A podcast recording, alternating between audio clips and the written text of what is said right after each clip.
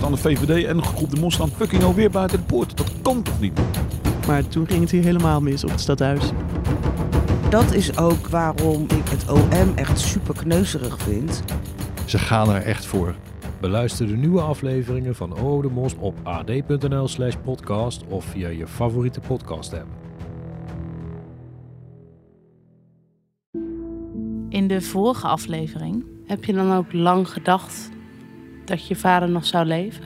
Ja, dat heb ik zeker gedacht. Zeker de eerste tijd. En later besef je pas dat er heel weinig over is bekendgemaakt. En dat is een punt wat bij mij nog steeds speelt. We wisten natuurlijk wel dat het uitgezocht was, maar dat er dus ook zoveel uitgezocht is en zoveel dossiers daarover zijn, dat ik meteen dacht: oh, dat is een stukje van mij. Wat is daar gebeurd? En waarom?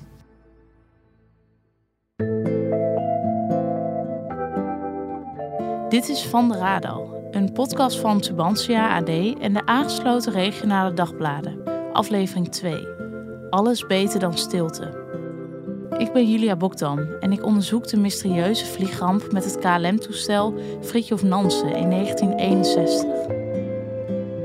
In de ijle lucht hoog en wijd vlieg je ver bij ons vandaan. Oneindig, jij durft het aan.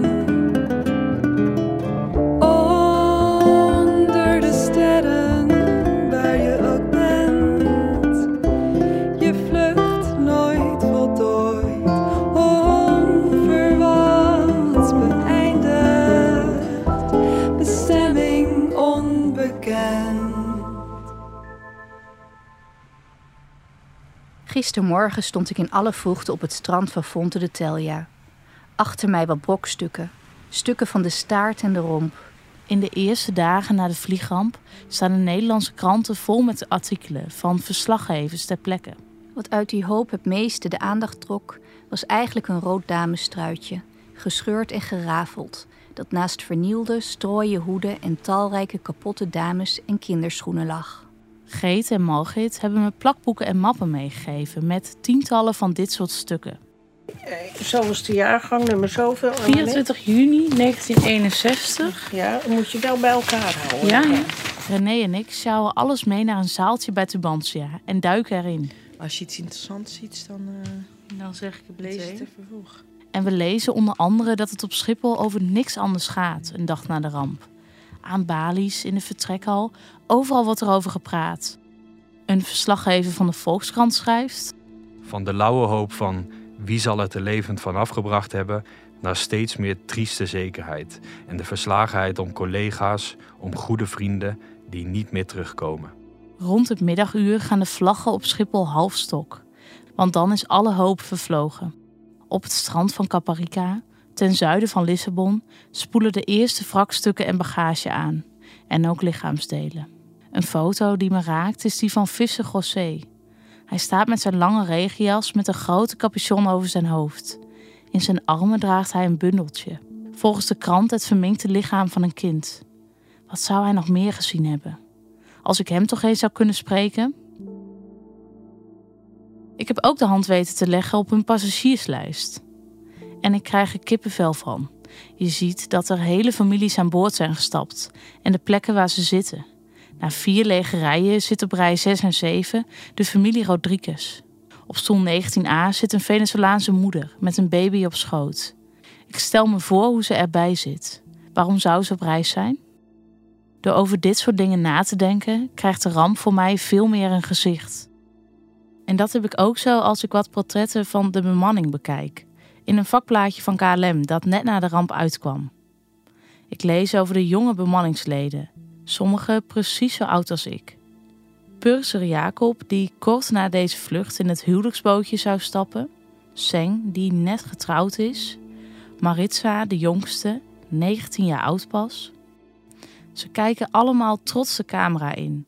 Trots op hun baan bij KLM. Mensen in de bloei van hun leven.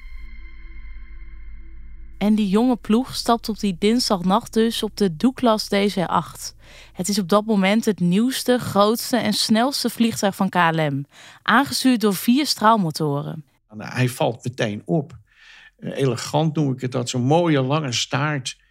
En, en die bescheiden straalmotoren. Het, het zag er allemaal zo glamorous uit. Ik, maar hij was van alle kanten was hij fotogeniek. Dit is Linse Volkringa. Ik kom hem tegen in een blad voor luchtvaartfanaten. Linse groeide op in Amstelveen en zijn vader was piloot. Hij zelf werkte 30 jaar als purser. Zijn eerste vliegtuig was de DC-8. Als ik hem bel, hoef ik niks uit te leggen. Hij weet meteen over welke ramp ik het heb. Het is de enige DC-8 van de KLM die neergestort is.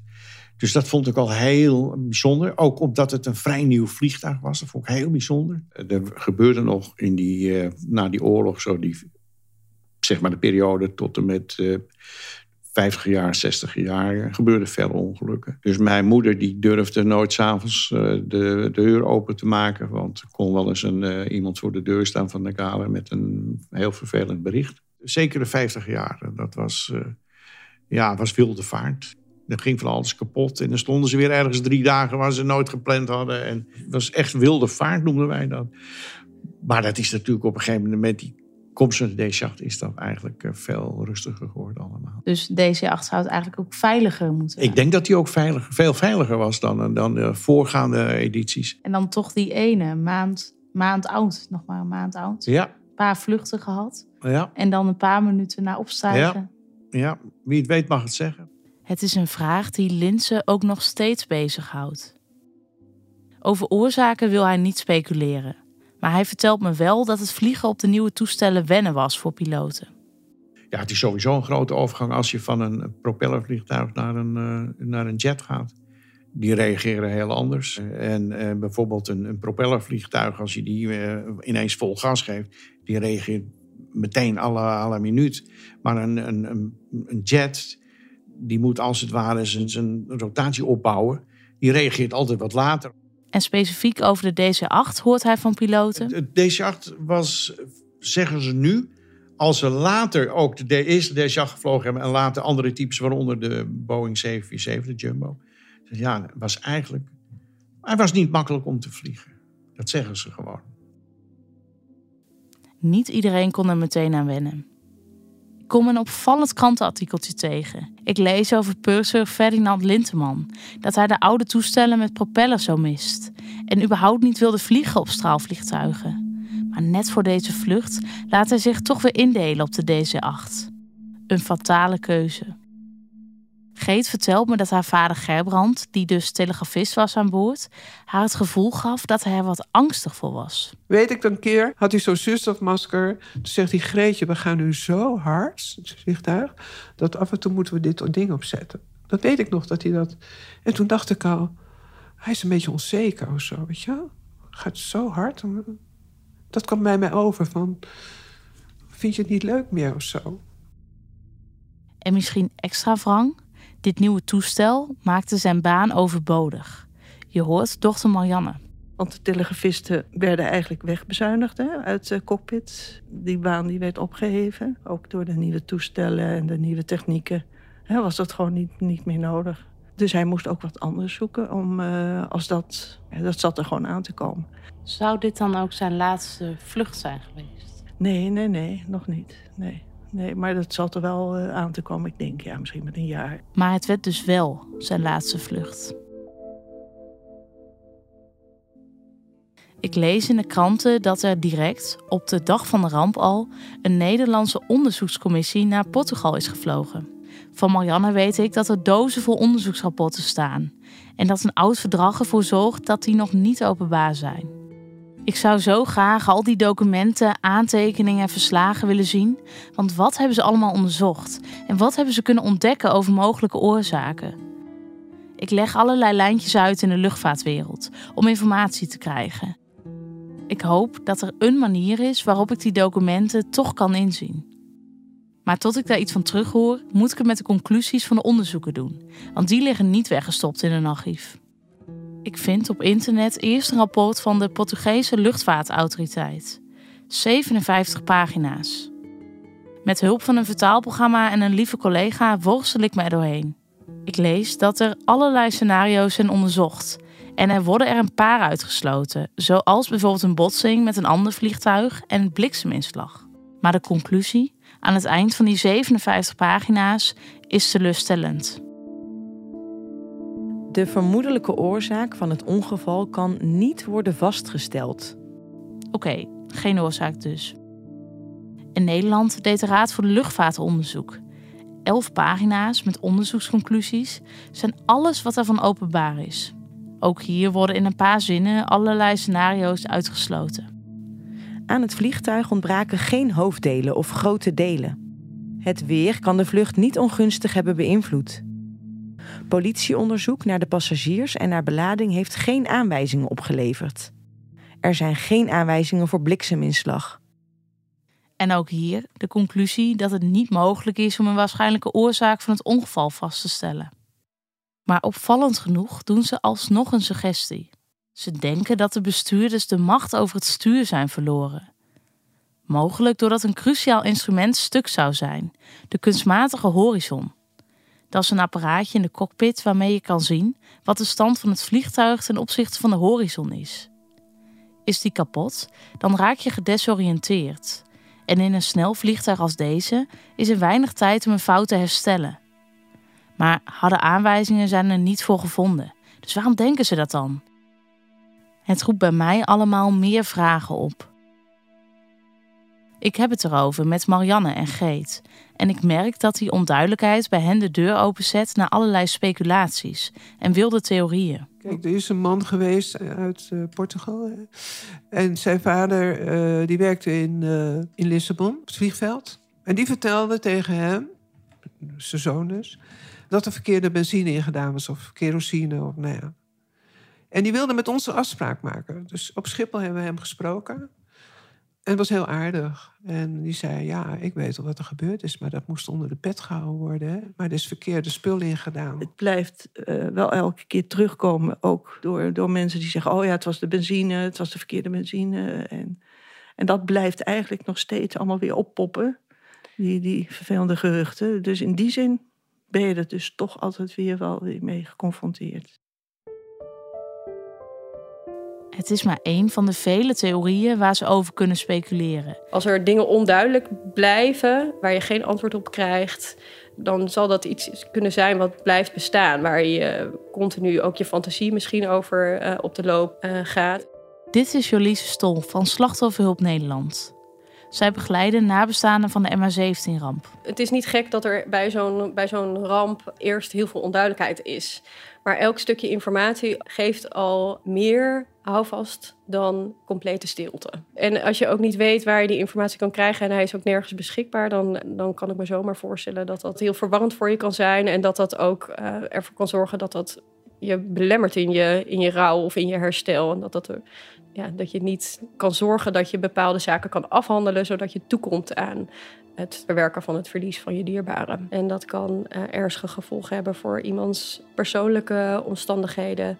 Als jouw rouwproces stagneert, kan je daar stressklachten van krijgen. Dat kan ervoor zorgen dat je bijvoorbeeld je werk niet meer kunt uitoefenen. Ben wel heel lang ziek geweest, of ziek, ja, dat mag je wel zeggen. Iets van twintig jaar dat ik echt uh, paniekaanvallen en angst. Dat ik echt de deur niet uit kon, zelfs als ik naar mijn zolder ging had ik dus die aanvallen. Dus ja, ik moest stoppen ook met mijn werk. Ik had een uh, best wel goede baan. Alleen erop uit was uh, geen optie, heel lang. Ja. Dus daar heb ik heel lang over gedaan eigenlijk, om daar weer een beetje bovenuit te komen. Ik heb veel therapie gehad ook. Ik zou tegen iedereen ook willen zeggen van ja, hè? je verwerking, uh, je verdriet, moet je, daar moet je wat mee doen. Ja, als het kan. Ook zus Greet worstelt jarenlang met het verleden. In 2017 besluit ze naar Lissabon te reizen. Om de begraafplaats te bezoeken waar ze in 1961 die zeven grafkisten de grond in zag gaan.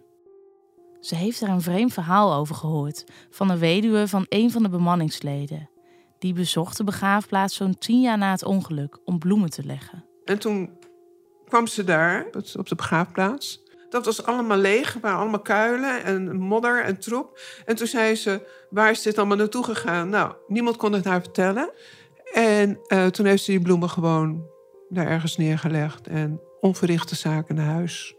Eind jaren 90 houdt dit verhaal Geet bezig en ze neemt contact op met KLM. Want hoe zit het nou? Eerst krijgt ze te horen dat de lichamen zijn opgegraven en ondergebracht in een massagraf. Geet schrikt zich rot. Toen kreeg ik een paar dagen later... Nee, het was niet in de massagraf gedaan, maar in een lade. En wel met nummers. En daar hebben ze ook foto's gestuurd. De lichaamsdelen uit de zeven grote grafkisten zijn volgens Portugees gebruik teruggebracht naar drie kleine kistjes en in een wand geplaatst. Nou, 2017 hè, ben ik met Peter naar uh, Portugal gegaan. Hij wilde wel eens daar naartoe, Peter. Peter is Geetsman. En die dacht, nou, dan gaan we daar eens even voor staan voor die lade. En uh, nou, dan is het klaar. Zo denken mannen. Nou, ik stond daarvoor, uh, ja, ik voelde helemaal niks. En, ja. Want ik ben best wel, hoe zeg je dat, gevoelig voor dingen. Ik ben ook gaan staan. Ik denk, zit, ligt er nou iets van hem in die kist hier? Nee, ik voelde niks. Geet praatte met de mensen van de begraafplaats over. Toen zei ik wel, werken jullie hier met mensen voor uh, DNA?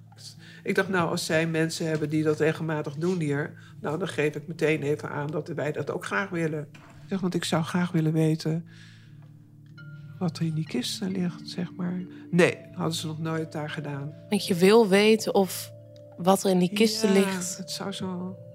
Het maakt het makkelijker, lijkt mij. Na Geets bezoek aan de begraafplaats durft Marianne het ook aan. Met de auto rijdt ze naar Lissabon, want vliegen durft ze niet.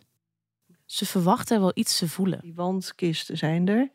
En daar ben ik ook naartoe geweest. Maar ja, ik vraag me dus dan toch ook af, ja, wat zit er nou eigenlijk in?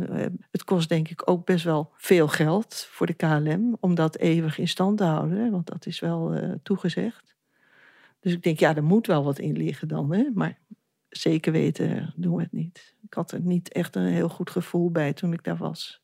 De laatste keer. Hoe, hoe komt dat? Wat... Ja, nou ja, ik stond daar en ik dacht, ja, nou, hè?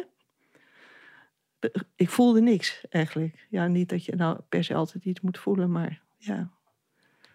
Maar wat hoopte je dan te voelen of te vinden toen, je daar naartoe ging? Ja, nou, het is wel triestig dat je daar zo, ja, toch als er wat, daar een beetje eenzaam. Ja, een graf is natuurlijk altijd eenzaam, maar hè?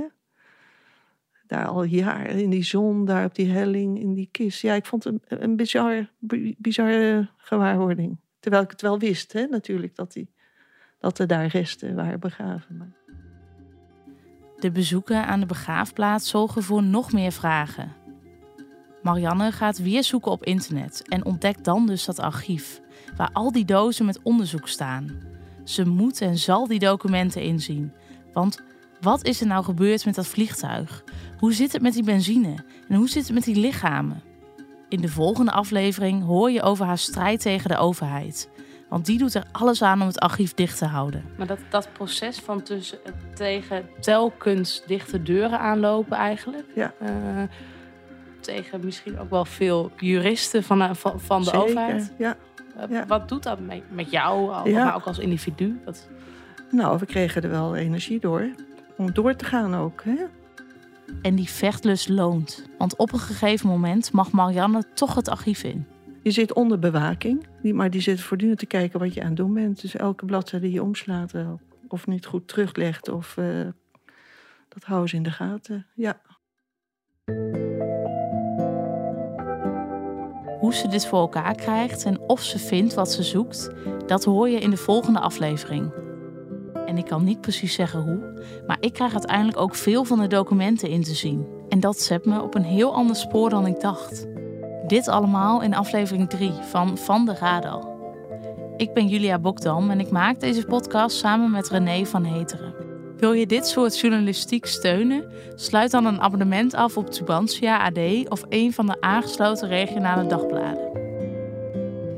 In de ijle lucht hoog en wijd vlieg je ver bij ons vandaan. Je blik op oneindig, jij durft het aan.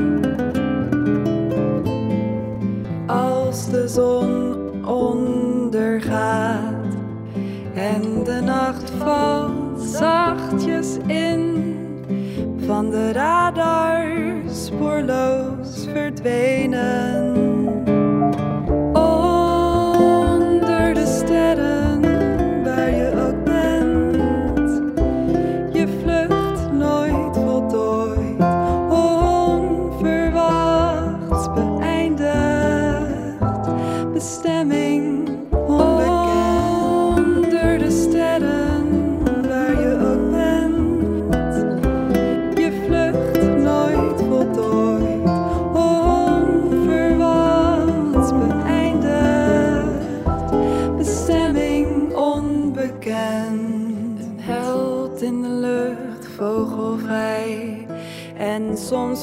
Je aan mijn zij. Je vertrok in het hart van de wolken.